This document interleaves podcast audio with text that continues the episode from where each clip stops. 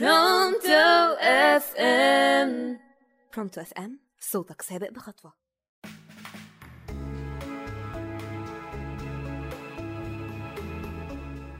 أهلا بيكم في الحلقة الأولى من برنامج الأصل اللي نسيناه بنحاول في البرنامج ده ندور على أصل حاجات في حياتنا بنعملها بشكل اعتيادي من غير ما نفكر أصله إيه أو قصته إيه.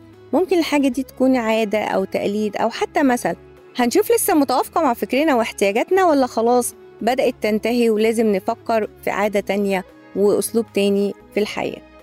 معاكم نهلة جبر من راديو برونتو إف إم.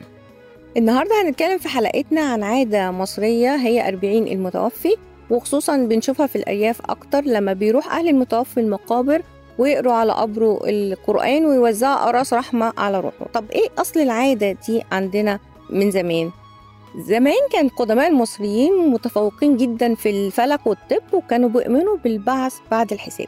ومن هنا نشأت فكرة تحنيط الموتى. طب إيه هي علاقة التحنيط بأربعين المتوفي؟ كان المعدات عند قدماء المصريين إن اللي يموت لازم يتحنط عشان لما يجي يوم الحساب يلاقي جسمه وأعضائه زي ما هي فيقدر يرجع ويكمل حياته من تاني. كانوا بيجففوا جسمه من السوائل بإنهم بيحطوه بملح النيوترون لمدة 39 يوم. في اليوم الأربعين بقى بيحضر أهل المتوفي والكاهن وتبدأ مراسم التشييع بتقديم القرابين وتوليع الشموع اللي هتنور طريقه وهو رايح في الآخرة. بعد كده بيشيلوا الأعضاء من الجسم ويحفظوها في وعاء مخصوص بيحطوه جنب جسمه في التابوت. وطبعا الكاهن بيكون لابس قناع أنوبيس الرمز المقدس للتحنيط عند قدماء المصريين. وفي اليوم ده بيكون كده خلاص تم تشييعه وانتهى وجوده في الحياة. بتمر السنين والأيام وتختلف العقيدة ويتغير مفهوم الدين لكن بتفضل العادة رمز وفكرة عشان مزروع فيها الإيمان والرحمة والتقدير. أربعين المتوفي هو تقدير لإنسان غالي على قلوبنا هنفضل فاكرينه على طول لكن أربعينه تأكيد إنه هو فعلا مات ومحفوظ في القلوب.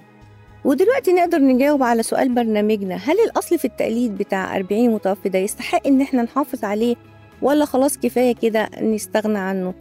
بالتأكيد المعنى الجميل اللي وصلنا له هو هيكون التقليد ده رمز جميل نحافظ عليه عشان نشيع موتانا في أحسن حال. كل المحبة لقلوبكم نتقابل في حلقة جديدة من البرنامج. إلى اللقاء.